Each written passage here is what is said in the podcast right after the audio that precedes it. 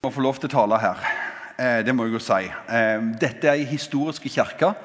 Eh, det er et kirke som er forbilde for stort sett hele Norge. Enten de taler i tunge eller ikke. Enten de tror på vanndåpen eller frelse i barnedåpen. Det er et forbilde for så mange. Martin og Irene og, og Egil og Hildegunn, var det riktig? Jeg er flink på fjes, men ikke så flink på navn. Men dere, er, er, dere, må være veldig modige, og så må Gud være veldig glad i dere. Så, så, men det siste stemmer. Ja, jeg tror han er glad i oss òg, jeg. Men eh, det er et privilegium å få lov til å stå her. det må jeg bare si. Og, og jeg håper dere syns det er et privilegium å få lov til å gå i en så god kirke. Aldri ta det for en selvfølge. Der var jeg oppe med pekefingeren. Slår dere det? Aldri ta det for en selvfølge at dere får lov til å gå i ei god kirke. Er det noen som har bedt for pastoren deres i dag? Mamma mia, her er det stort forbedringspotensial. Just come to the altar right now. Vi må jo be for lederne våre. så står det Til og med i Bibelen står det at vi skal be for lederne våre. Så hvis du, lurer, hvis du lurer på hva du skal be om, kan du starte med å be for lederne dine. Takk for entusiasmen på det punktet. der, ja. Det var utrolig fint vi hadde gjennombrudd på det. altså. Men jeg ikke betalte for å si det engang. Men jeg må si at i min kirke er, um, for Brit og meg har betydd, uh, betydd mye. Uh, dette med alfakurset, uh, som dere var initiativtaker til, til, gjøre i Norge, det er bare evigheten vil definere og vise oss hva det har betydd. Men for meg som er oppvokst på Ebenezer på Gandal og, hadde en tur på byen og var ute og sykla, det var mye piker, vin og sang, og gjennom mors bønner og faste ble hanka inn og traff noen søstre, og det ble mye strenge musikk og saft, så, eh, så, eh, så hadde jeg en sånn eh, luthersk bagasje. Og så traff jeg denne karismatiske bølga i Klippen i Sandnes. Og ble jo henrykt av første gang jeg hørte tungetale og tydning. Og tenkte Wow! Gud er her! Han snakker her og nå! liksom. Jeg fikk jo tenning på alle 24 pluggene. liksom. Og så ble jeg dratt inn i den pinsekarismatiske karusellen. Og, så, og når den har gått lenge nok, liksom, så finner du ut liksom, hva skjer nå. da? Sånn er det alltid med karismatikerne. De er alltid på vei fra ei bølge til ei ny bølge. Men midt inni derene så, så kommer det noen ting av det som som jeg tror er veldig viktig, det er at vi snakker sant om Gud, og sant om mennesket og sant om livet. Og Da kom alfakurset inn som, som noen ting som vi uten å vite det hadde lett etter ganske lenge. Britt var på kurs, hun var på konferanse, og sånt, og det skulle vi gjøre. Og, og vi kjørte I tre-fire år så gjorde vi ikke noe annet enn vi kjørte alfakurs. Og det må jeg bare si Tusen takk for det dere har gjort. Eh, for det er alle menneskene som ble nådd i den, i, i den fasen der. Men eh, akkurat for ti år siden nå, så satt Britt og meg oppe på toppen av Davos. Da hadde hun feirte hun sin 40-årsdag. Det var en forferdelig snøstorm. Vi kom oss ikke ut der ennå. Så tok vi en liten serviett som lå på bordet der, så fant vi en liten penn. Og så begynte vi å skrive hvordan skal framtida vår se ut. Og Da skrev vi verdiene våre så skrev vi rett ut fra det vi lærte fra alfaarbeidet. Og Det dreide seg om det å møte mennesker som ikke tror så veldig mye. Som ikke er så vant til å gå i kirka. For meg som kom fra den karismatiske bølga inn i dette, her, ble det, da greide jeg ta med meg det beste av karismatikken inn i møte med mennesker som ikke er så vant til å gå i kirka. Så det må jeg bare si Tusen takk for at dere lærte oss dette. Så Jeg skal ikke si at intro eksisterer pga. IM-kirka, men vi lærte mye som var viktig for oss i den fasen. der. Og akkurat det er ti år siden. Så skal vi skrive nye lapper for de neste ti åra som kommer.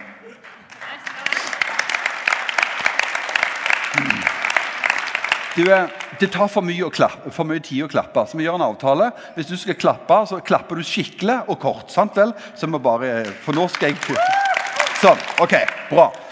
Jeg skal, stille et, ett spørsmål i dag, og så skal vi gjøre et bibelstudie ut, ut, ut, ut fra 1. Korinterne, kapittel 15.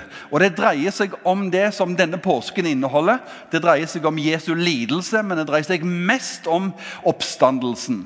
Oppstandelsen er det tipping point i den kristne tro. For hvis det er bare tull, det som vi bygger på Hvis det ikke er sant at Jesus sto opp igjen fra de døde, Så sier Paulus at da er vår tro nytteløs, og da har det ingen verdi. Og da sier vi på Gandal da er vi de største idiotene som går i to sko. Sånn er det bare. Og, men hvis han sto opp igjen Det er det som er interessant. Hvis han sto opp igjen, hva vil det ha å si for mitt liv? Um, jeg, jeg, jeg, jeg jeg liker å ta utgangspunkt i det som foregår i media. Jeg prøver hele tida å skanne over hva som foregår i media. Jeg synes Det var inspirerende, sånn som Egil nevnte her, at um, han hører på Verden i dag. Og så får du et lite sånn et blikk av et verdensbilde til medieindustrien. Som kan være rett eller gale, men iallfall så forteller de oss noen ting. Og Det tror jeg vi alltid må gjøre. Vi må ikke bygge kristne gettoer. Vi må ta på alvor sånn som livet ser ut trendene, hva folk sier om Gud, hva er det Gud gjør for noe. Disse, disse er viktige ting. La meg bare, I forhold til eh, spørsmålet da, liksom, eh, om hva Jesus betyr for oss, og, og hva det han har gjort for oss eh, Fenomenet Bieber jeg synes han, der, han, han, som sto ute til høyre der, han hadde en sånn like sveis som Justin Bieber. Så dere det? Han har sikkert funnet på sveisen helt sjøl, altså. Jeg tror Helt sjøl har han fått Han ligner litt på Justin Bieber.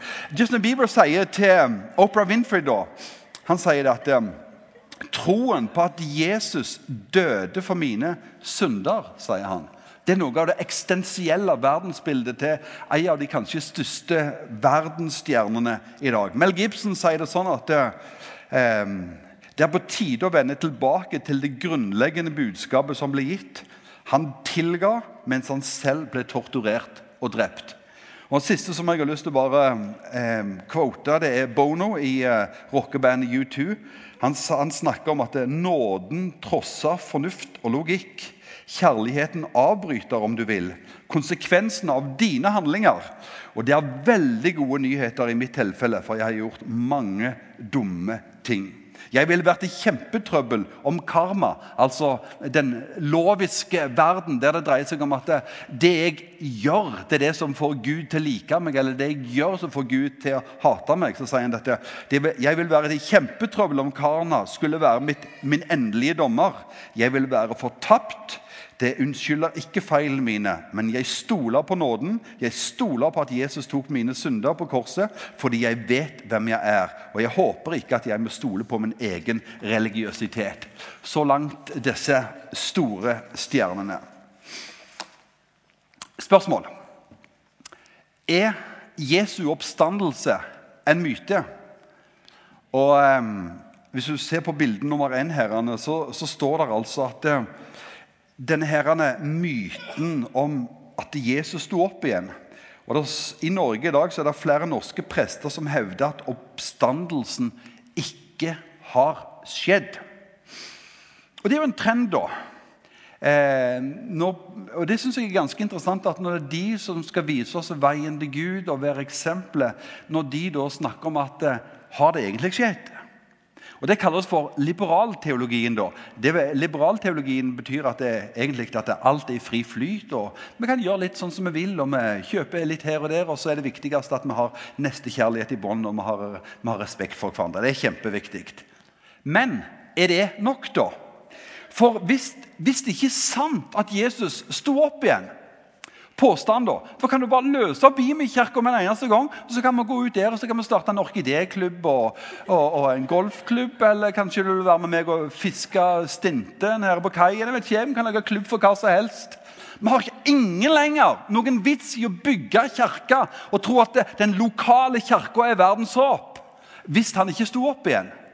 Og jeg, jeg, har bare lyst til å ta dette her litt lenger. Da. Det er en, en artig prest som heter Helge Hognestad som har, eh, som har fått prekeforbud egentlig nå, men han, han, er flink å få med seg folk på det. Så, men på tross av sitt prekeforbud har han fått med seg flere prester i sitt syn. Og han sier det. Der Helge Hognestad gjør, det er at han gjør en ny vinkling til hvordan man tenker teologi. Han starter ikke i dogmene, men i hva som er menneskers erfaring. Og det er en måte å tenke teologi på som jeg kjenner igjen fra Sør-Afrika. Det har studert frigjøringsteologi, sier Gunnes. Så langt eh, NRK sine nettsider. Hvis du og meg eller La oss se på bilde nummer to. Der, så skal vi se. Tror du at Jesu oppstandelse har funnet sted? Der trykte jo jeg ja, for jeg tok et bilde akkurat når jeg trykte. Sant? Så jeg har drog opp denne statistikken der. Så stemmer du, så du, trykker du på resultat, og så stemmen din er registrert. Takk og lov. Resultatet. Ja, vi må stole på Bibelen. Det er det altså 25% av befolkningen som sier. Og så står det nei, dette er bare eventyr. Så står det altså 74% Og Dette dreier seg altså om the tipping point. The tipping point er egentlig liksom hva, vei detter dette? Du kan bare ta vekk det bildet der. Det var ikke så fint. Eh, hun sier, altså hun, Gunnes hun sier at det, når erfaringsteologien vår er den som spiller noen rolle, da er det den som får lov til å styre. Og La meg bare ta et, Før vi begynner å drøfte dette her ut fra 1. Korinterne kapittel 15, så har jeg lyst til å ta deg med ti år tilbake, når min far døde i kreft på, på, på universitetssykehuset. Så Før det så hadde vi salvet han, vi hadde bedt for han. Hadde, jeg hadde bedt alle djevler og demoner som fins under sola, til å ryke og reise. Eh, vi hadde lest alle skrifter som fins. Jeg var glad i faren min ville han skulle leve videre. Han døde i en alder av 62 år. Og Da er spørsmålet Når Gud ikke handler på mine bønner, er det mine erfaringer som styrer, eller er det det Guds ord sier? Du svarer for deg, og så regner jeg med at du skal skjønne hva mitt svar er gjennom det vi skal lese i sammen nå. Men hvis våre erfaringer Det er jo bare sykdom. Og Så snakket jeg med en, en, en som, som en, av de glade og løse fuglene i Sandnes i dag, som hadde med på et møte tidligere i dag. Så sa han at Gud har ikke holdt sin del av avtalen, derfor tror jeg ikke på han lenger. Ok, Det er òg en erfaring. Og Da er det spørsmål er det erfaringsteologi vi bygger. Og da er spørsmålet også, Hvis han sto opp igjen, er det bare tull, eller er det sant? Hvis det er tull, så er vi det største idioter i to sko. Men hvis det er sant, hvordan kan livet vårt stå og se ut? Er det sant, det han sa? Er løftene sanne? Er han virksom i dag? Og Det skal vi komme litt inn på. Du skjønner hva vei dette går allerede nå. Men nå må vi begynne å lese Bibelen. Er dere klar? Bra. Ikke noe klapping nå, for nå skal vi lese, lese i Bibelen. Med, hvis du har med Bibelen, så kan du slå opp, men det kommer på veien her i 1. Korinterne kapittel 5, og fra vers 1 og utover. Og Paulus han er inne i et, et, bra brev, han er i en fin flyt. Han har snakket om nådegaver, han har snakket om kjærligheten, han har snakket om hvordan du bygger menighet. Og så, så kommer han rett inn og så begynner han å snakke om oppstandelsen. Og så er det nesten som han diskuterer med NRK i, denne, i dette avsnittet. her. Og nå begynner vi å lese. Jeg kunngjør for dere søsken det evangelium jeg forkynte dere, det dere også tok imot, og det dere også står på. Paulus han var en teolog, han var skriftlærd, han var belærte. Og han var også det som vi kaller for nådens apostelen. Han var den som pakte ut Jesus i den nye pakt, spesielt i Efeserne. Så kan du se hvordan, Paulus han pakker ut nåden til folket. Og Derfor er det i dag ikke et understatement å kalle Paulus for nådens apostel. Og Det er det dere også står på, det som han har skrevet. Vers 2. Gjennom det blir dere også frelst når dere holder fast på ordet slik jeg forkynte det. Og det, Slik han forkynte det, så var det nådeevangeliet og ikke det loviske evangeliet. Det var det tipping point i hans lære. Han var nådens apostel. Og så sier han videre slik jeg forkynte det, ellers blir det forgjeves at dere kommer til tro. Og neste bilde. For først og fremst overga jeg dere det jeg selv har tatt imot. At Kristus døde for våre synder etter Skriftene det Han sier, han bekrefter det som eh, historikerne sier, han bekrefter det som øyenvitnene sa, det at Kristus døde. Og så dro han inn dette at eh, han døde med en hensikt. Det er for syndene våre. Det var for at du og meg skulle bli fri fra de destruktive kreftene i livet. Og så vers 4 at han ble begravet. Og dette kan jo alle være enig i. Altså Når du dør, så blir du begravd. Det er veldig få som ikke blir begravd. Alle bør begraves. Og så kommer det jo det som er kontroversielt. At han sto opp igjen på den tredje dagen etter Skriftene. Husk på alle profetiene om Jesus Kristus i hele Gamle testamentet. De pekte fram mot en mann, og han kaltes for Messias. Og han hang på kors. Dette her er drøssevis av profetier fra Gamle testamentet fram mot det punktet der. At han sto opp igjen på den tredje dag etter Skriftene, og at han viste seg for Kefas, det er Peter, og deretter for de tolv. Det vil si, allerede der så begynner du å få noen øyenvitner. Juristene iblant oss de begynner liksom å tenke ja, ok. Da, er det altså, da har vi noen vitner. Og så sitter skeptikerne og tenker ja, greit nok med tre stykker. det er greit det, ja, De tolv òg, da. ja, Si 13, da. sant vel? Men hør, mannen står jo opp for de døde. Det må være en hallusinasjon. De må jo være, de må gå på drugs eller et eller annet greie derene. Eller det var rett og slett en manipulering. Det kan være noen i grupper som bare fikk de til å det, si dette. her. Vi skal gå litt videre. Så står det Deretter, altså etter han har vist seg for de tolv, viste han seg for mer enn 500 søsken på en gang. Og disse søsknene det er de som var brødre og søstre som hadde fått troen på Kristus. Og sier 500 på en gang. Det er som en forsamling her inne i dag. Det vil si at det, han som var død Du så at han på korset han var død, han lå i grava. Og så har han stått opp igjen. Og det var denne Kristus som hadde neglemerker i hendene sine, i sidene sine og i begge føttene. Han Kristus var det som 500 på én gang så. Og Da kan vi begynne å snakke om sannhetsgehalten i dette. her. Nå snakker jeg litt til ditt intellektuelle, og snakker litt til troen din litt senere. Og det står «Eh, av dem lever de fleste ennå, men noen er sovnet inn. Og Vers 7. Deretter viste han seg for Jakob og for alle apostlene. Og så sier Paulus aller sist viste han seg for meg, jeg som bare er et ufullbåren foster. Og vers 9 forteller hvorfor. For jeg er den minste av apostlene. Jeg er ikke verdig til å kalles apostler, for jeg har forfulgt Guds kirke. Paulus setter seg sjøl veldig lavt, men allikevel så highlighter han veldig høyt at han hadde en Kristusopplevelse. En opplevelse der Jesus kommer til han og sa han, 'Saul, Saul, hvorfor forfølger du meg?' Han hadde bare et spørsmål til han. Og akkurat med det punktet der, så, så, må jeg spole tilbake til jeg var 17 år. og Mor hadde vært i bønn og faste for meg i, i, um, i, fra fredag ettermiddag. og Da opplevde hun at Gud kom og sa til henne nå må du be for sønnen din. Nå må du, nå må du uh, Slutt å spise og bare, bare, be for sønnen din. Og så var det inn i helga og, og, og helt fram til mandag når klokka var halv tolv. Da står jeg på dreiemaskinen hos, i bedriften til min far. Og jeg kom i det som de gamle kalte for syndenød.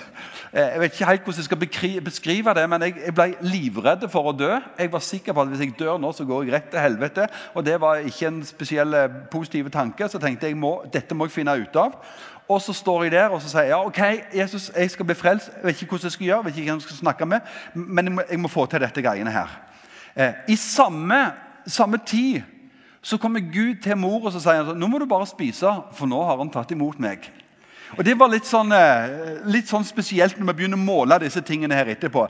Jeg trodde ikke jeg ble frelst før på kvelden, for det var da jeg fikk bøyd kne i en Stressless Royal hjemme hos Ingvar Vignes. Det var det eneste jeg visste som liksom var sånn noenlunde til å snakke med. sånne ting som det der. Så etter 23 sjakkspill så skjønte han endelig hva dette gikk i, og fikk frelsesbønn med meg. og Jeg grein en skvett og ble veldig glad. Og da trodde jeg jeg ble frelst. Men jeg ble nå frelst der på formiddagen klokka halv tolv over dreiebenken her. Men poenget er det å ha et Kristusopplevelse som gjør at jeg sjøl har møtt den oppstandende Kristus. Det er det Paulus han sier her. Jeg drev med masse rart. Jeg forfulgte de kristne. Jeg er ikke verdig til å være blant gjengene. herrene. Men jeg har hatt en Kristusopplevelse. Og spørsmålet du som sitter her i dag, Har du hatt en Kristusopplevelse? Kan du si at Gud har gjort noen ting for meg? Han lever, han er hjertet mitt, han gjør meg glad, han gjør at jeg kan gå videre. Eh, takk for entusiasmen akkurat på det punktet. Du er, du er. Come on! Du vet, når jeg gir litt sånn gass i det der, da må du fylle på. Da er det du skal være litt latiner, liksom. Ikke være sånn madla Sandnes-greia her nå. Vær litt, vær litt latiner her nå. Men Kristusopplevelser, det det handler om. La oss gå videre. Men ved Guds nåde er jeg det jeg er, sier han. Og da plutselig så er det ikke noen høye og lave, liksom ingen, men da er det ved Guds nåde er jeg det jeg er. Og Hans nåde mot meg har ikke vært bortkastet. Så sier han, for jeg har arbeidet mer enn noen av dem. Det vil si ikke jeg, men Guds nåde som er med meg. Og en annen oversettelse som står i meg. Og Det handler om at nåden er aktive. Og det potensialet som ligger i oss, det blir forløst når Gud gjør noen ting i våre hjerte. Og så videre. Men enten det er jeg eller de andre, dette forkynner vi, og dette har dere tatt imot. Men, men nå blir forkynt at Kristus har stått opp fra de døde, hvordan kan noen blant dere da si at det ikke finnes noen oppstandelse fra de døde? Hvordan kan noen si det? La oss se videre. For hvis de døde ikke står opp, er heller ikke Kristus stått opp. For hvis de døde ikke står opp, er heller ikke Kristus stått opp. Og Nå begynner han å snakke til oss og begynner å vri og vrenge litt på har han stått opp eller har han ikke stått opp. Hvordan vil dette funke for meg? Og så står det vers 14. Men er ikke Kristus stått opp, da er vårt budskap tomt, og deres tro er også tom, og bygningene kan bare bli helt tomme og gå hjem. Det har ingen verdi hvis ikke Kristus sto opp. Da bygger vi vår tro.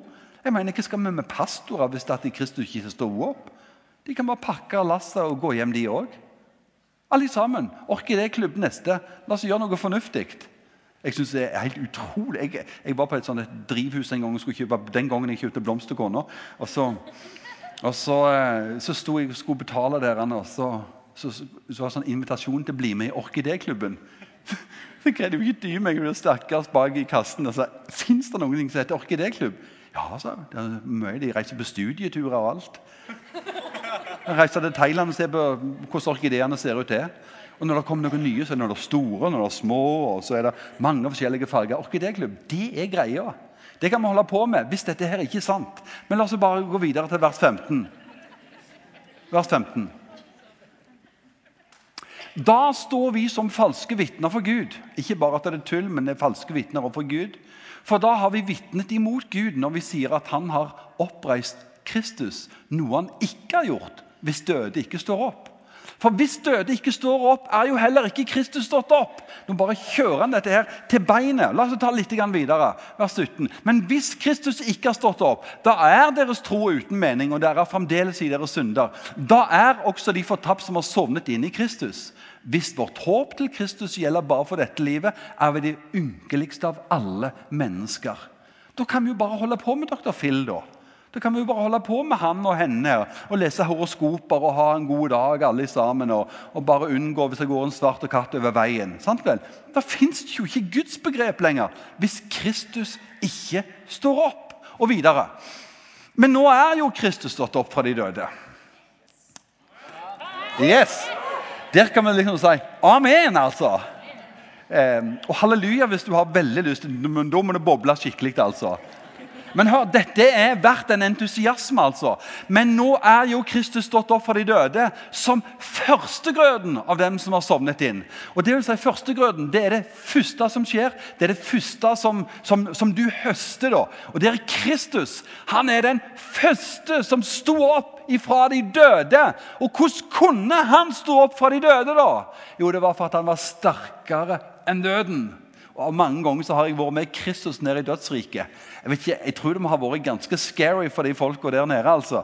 Når han troner inn der og ber om nøklene til døden. Og Der står det at, det, at det, det, eh, gravene åpna seg i Jerusalem, og de hellige de gikk omkring og rundt og kikte. og liksom, Det var, det var skikkelig oppstandelse. altså. Det, det er oppstandelse, det. sant vel? Alle de folka der. Og det, når han, gudesønnen, kommer der ned som er sterkere enn døden Mamma mia!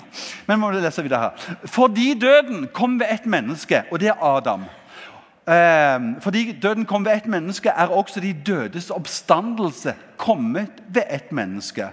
For slik alle dør pga. Adam, skal alle få liv ved Kristus. Skal, nå skal jeg bare se hvor langt jeg skal lese herrene, før at vi skal begynne å snakke i avslutningen. herrene. Får du noe ut av det her? to som fikk noe ut av det. Det var kjempefint, altså. Jeg skal, jeg skal, jeg skal videre til vers 23. Men hver i sin tur. Kristus er førstegrøden, deretter hans gjenkomst. Følger de som hører Kristus til. Så kommer slutten, når han overgir sin kongsmakt til Gud, sin far, etter at han har tilintetgjort alle makter, myndigheter og krefter. I de to siste versene herrene, så har du alt ifra det som skal skje foran oss. Alt andre det er bare drøftene omkring om Kristus har stått opp. Og tar i tu med det. Og Han dokumenterer det for vårt intellekt. Det vil si at 500 mennesker har sett Kristus på samme tida. Og nå sier han det at jeg har sett han sjøl, og så sier han men nå er Kristus stått opp. Så la meg stille deg et spørsmål.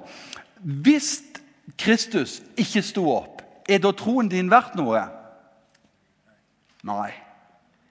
Men hvis han sto opp igjen og Da er det spørsmålet hva betyr det, da? Nå må vi se fra, fra 2. Korinterne kapittel 1 og vers 19 og 20. For Da, da snakker Paulus eh, eh, litt i store linjer. her. Han sier for Guds sønn Jesus Kristus, som jeg har forkynt dere, jeg, Silvanus og Timoteus, han var ikke ja og nei. Og Dette er noen ting av gudsbildet som han prøver å egge opp noen ting i deg. Han prøver å egge opp troen din. For vi lever i en verden der at det er relativt. Ja, vi får se, og, og kanskje de blir helbredet, og kanskje de eh, opplever få bønnesvar, kanskje det skjer. Men vi vet jo ingenting. Jeg kan jeg si deg mer. Og Da blir det sånn relativisme. Her står det at i ham er, er, er I ham er ja, I ham i, Mamma mia. Han var ikke ja og nei. Altså, Han er ikke av og på, han ikke har kontortid og ikke. Han hører ikke og ikke hører. I ham, står det, er det bare ja. Og nå snakker han til troen din. Den oppstandende Kristus som har vunnet over døden, over synden, over sykdommene, over forbannelsen. Alle de tingene. I ham er det bare ja! Eh, altså, jeg Beklager, jeg blir litt entusiastisk. Jeg kommer fra Gandal, ser du. så da blir Vi litt, vi, vi, vi skrudde sammen der rett på siden av pizzabakeren. der, der er vi utrolig entusiastiske. Men vi må ha vers 20. Så står det For i ham, i Kristus, har alle Guds løfter fått sitt? Ja. Har alle Guds løfter fått sitt? Ja. Det er veldig positivt. Og ja betyr at du har tilgang. Ja betyr at Gud er på tilbudssida. Ja betyr at du kan bli helbredet. Ja betyr at Gud ser din trøbbel. Ja, ja Gud ser når du er singel og liksom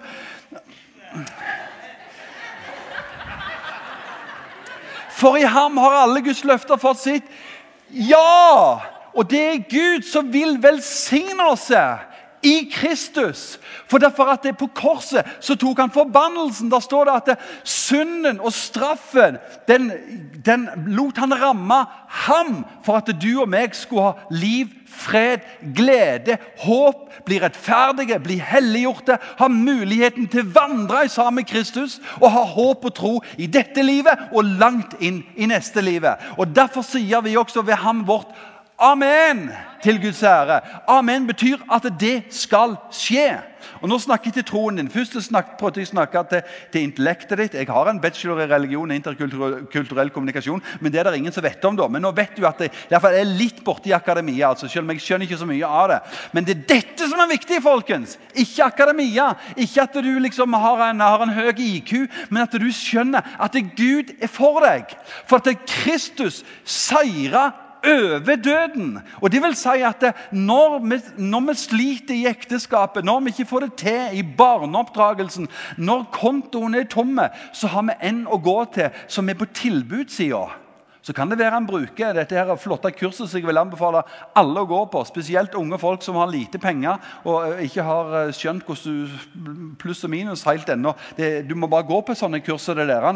Men i alle disse tingene som vi kaller for livet, når sykdommene slår inn, når, når, når skilsmissen rammer oss, når vi er i psykososiologiske verdenskriger, og når vi ikke har tro på oss sjøl, og, og når, når, vi mister motet og vi ikke greier å gå inn i neste sesong i livet med mot, da må vi løfte blikket og så må vi gå inn i vers 20. For i ham har alle Guds løfter fått sitt ja. Gud er på tilbudssida for oss alle sammen. Kan du si ammen til det? Det høres mest ut som en pinsemenighet. Jeg trodde det var sånn lutherske eh, ja, Oi, oi, oi, oi. oi. Her kommer det et halleluja òg. Nå begynner det å bli utrygt her. altså. En ting til. Hvis det er sant at han sto opp igjen fra de døde, da er det alle Guds løfter har fått sitt ja i ham. Men en annen ting Jesus snakket også om å komme hjem. Eller kom, komme hjem komme igjen. Og det vil si at det, noen ting som vi snakker veldig lite om. da, Men at denne tida, denne tida er, er bare ei tid. Eh, det kommer ei tid der det er ikke tid lenger. og Det kalles for evigheten. Og Jesus skal komme igjen om ei lita stund. Og da, Det er òg sant. Og da er det plutselig, og da er det liksom, For mange troende som tenker nei, ja, ja, det er litt scary. altså. Jeg kan, kan, bli med på at vi ikke skal leve evig, men, altså, men han må jo ikke komme igjen nå. For jeg skal bygge hus og jeg skal ha hytte. Og, jeg, nå skal jeg til Syden og kjøpe billige leiligheter på solkysten. og greier. Han må jo ikke komme nå, for nå skal jo jeg leve mitt liv. Hør, Det handler ikke om ditt liv lenger. Det er egoismen som sier at 'jeg skal leve mitt liv'. Nå skal vi leve for noen ting som er større. For nå skal vi forandre verden. Vi skal forandre verden! Hver Fikk du det bildet der, Anne? Bra, Egil. Ja, men seriøst! La meg, la meg bare, bare provosere deg litt på slutten her. Hvorfor lever du? Hvorfor i all verden tror du at du er født? Tror du er født for at du skal bare ha det bra og, og spise chips og se på fotball liksom, og, og, henge med de rette folka? Du er alle mennesker er her med en hensikt. Vi skal gå ut i hele verden så skal vi gjøre disipler. og Vi skal undervise dem, og vi skal ta oss av de fattige og vi skal ta oss av det moderne slaveriet. og vi, vi, skal plante menigheter, og vi skal gå fra by til by, fra by, bygd til bygd.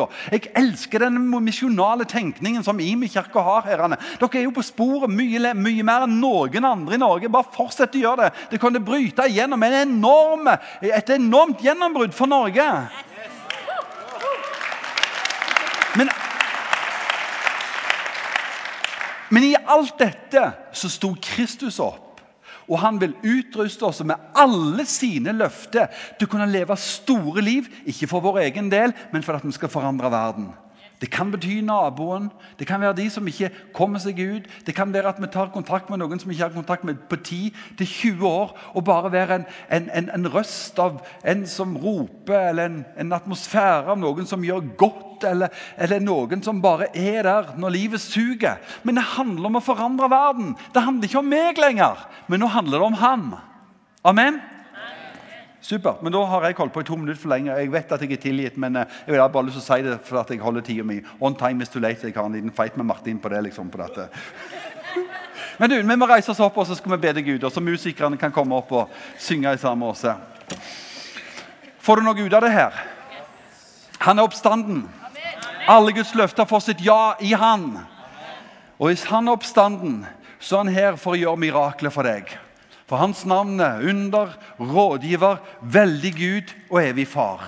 Han er større enn våre problemer. Han er større enn våre erfaringer. Han er større enn alt det fjellet som reiser seg for oss. Og akkurat nå så kan du få lov til å ta imot av han, for at han er oppstanden. Si til deg sjøl han er oppstanden. Ja, det er utrolig. Jeg tror halve forsamlingen sa det. Og de andre sider tenker for en manipulerende predikant han der Men det er det som er privilegiet med å bare være en gjestepredikant. vet du. Jeg kan bare gjøre akkurat som jeg vil, og så, bare reiser jeg hjem igjen. vet du. Jeg gjør verken som jeg vil, og jeg håper jeg blir bedt tilbake igjen. herrene. For dette er ei god kirke. Og i sammen så har vi en god Gud. og Jeg tror også at vi behøver stå i sammen som Kristustroende på noen ting større enn oss sjøl. Herre, jeg takker deg. Takker deg for ditt nærvær. Takker deg for din godhet. Takker deg for din oppstandelse fra de døde, Herre. Takker deg for din oppstandelse fra de døde. Takker deg for du brøt dødens makt. Takk, Far i himmelen, for at du brukte alt det du hadde, både til å gi oss frihet og til å bryte døden og fiendskapets makt for å opprette fred i vårt indre, Herre. Her I dag vil vi ta imot alt det du har for oss, Herre. Du ser hva som foregår i livet vårt. Du ser gleden, Herre. Du ser entusiasmen. Men du ser òg når eh, sykdom rammer oss som midtskips, Herre. Du hørte om det bønne, bønneemnet her til å begynne med, Herre. Du ser andre ting i salen. Du ser det som vi kjenner, som er i berøring med alle de forskjellige nettverkene vi er i, Herre. Herre, jeg ber om at eh, din kraft skal være virksom i oss som tror. Jeg ber Herre om at du eh, bruker oss som, som redskapet for din vilje, Herre. Jeg takker deg fordi du fyller med din kjærlighet i dag. Jeg takker deg fordi du helbreder i dag. Jeg takker deg fordi du fyller med Din hellige ånd. Og jeg takker deg for et comeback for mange av de som sitter her i dag, Herre. Som gjerne har lurt på hvor ble det av? Hvor ble drømmen av? Hvor ble entusiasmen av? Hvor ble det av, Herre? Takk, Herre, for at du gjør det. La det bli et stort comeback i dag, Herre. La de få lov til å kjenne ditt nærvær. Jeg priser deg for det, Jesus. Jeg priser deg for det, Herre. Så kan vi bare stå litt med, med bøyde hode og lukte øynene. så Prøve å få pusten igjen etter den heselbestende predikanten. herrene. Og Jeg tror Gud vil gjøre noen ting. Jeg tror Gud vil ha et comeback i en del folks liv. Akkurat nå, akkurat der du står. Jeg tror Gud vil gjøre noen ting i livet ditt. Før i ettermiddag når jeg var hjemme, så fikk jeg bare dette bildet om Peter som, som opplevde at han, Jesus Hvor ble han av? Hvor ble alt det store som Jesus snakket om? Jesus døde på korset. Alt liksom ble pulverisert. Og så legger han ut på, på sjøen og tar med seg de andre, både tollere og akademikere, og så prøver de å hive nettet ut og gå tilbake til der de var for en stund siden. Men Jesus vil ha et comeback til dem. Så setter han seg ned med dem på stranda og så spør han elsker du meg. Han spør han til beinet om han elsker ham. Så sier, Jesus, sier Peter at ja, du vet jeg har deg kjær. Når vi kommer til det punktet der at det, det det dreier seg om Jesus, jeg elsker deg. Jesus, jeg elsker deg. Så kommer Jesus med sitt comeback. Yes, La oss gå videre. Og jeg tror For mange som er her i dag, så er det et comeback. Det er noen ting du har glipt, det er et eller annet du har mista, det var et eller annet du var på, på, vei inn i. Så var det en del ting som skjedde. Du ble kanskje skuffa, du ble kanskje svikta, du rett og slett mista motet, hva som helst. Men i dag vil Gud ha et comeback i det som han hadde for deg. For det som han har starta, det vil han òg fullføre. Jeg har bare lyst til å be en kort bønn for deg, så skal jeg sette meg. Jeg vil bare se hånda di høyt og tydelig, og så vil jeg be en bønn for deg. Gud velsigne deg. Gud velsigne dere. Gud velsigne deg på sida der. Gud velsigne dere. Gud velsigne dere. Gud velsigne dere der. Mm, nydelig. Herre, Gud velsigne deg. Herre, jeg takker deg. Herre, jeg takker deg. Herre, jeg takker deg. Takker deg for ditt nærvær. Takker deg, Hellige Ånd, for at du er den som er den som herliggjør Kristus. Du er den som tar av det som fins i ordet, og så åpenbarer du det for oss, og så viser du oss hvem Kristus og hans vei og vilje for oss er. Herre, jeg ber deg for hver ei hånd som ble rekt opp i været, Herre. Herre, Jeg ber om mirakler etter denne dagen. Herre. Jeg ber om at det er disse beslutningene som har blitt tatt. Herre. Jeg ber om disse som eh, på ny har, har sagt at det er Jesus, jeg elsker deg, og nå er jeg klar for å gå videre. Herre, jeg takker deg for at det skal få betydning for enkeltmennesket. For enkelte nabolag, Herre, for smågrupper, Herre, der når mennesker stiller seg disponible for å bli let av deg, Herre. Takker deg for et comeback i mange menneskers liv her, i Jesu Kristi navn. Amen.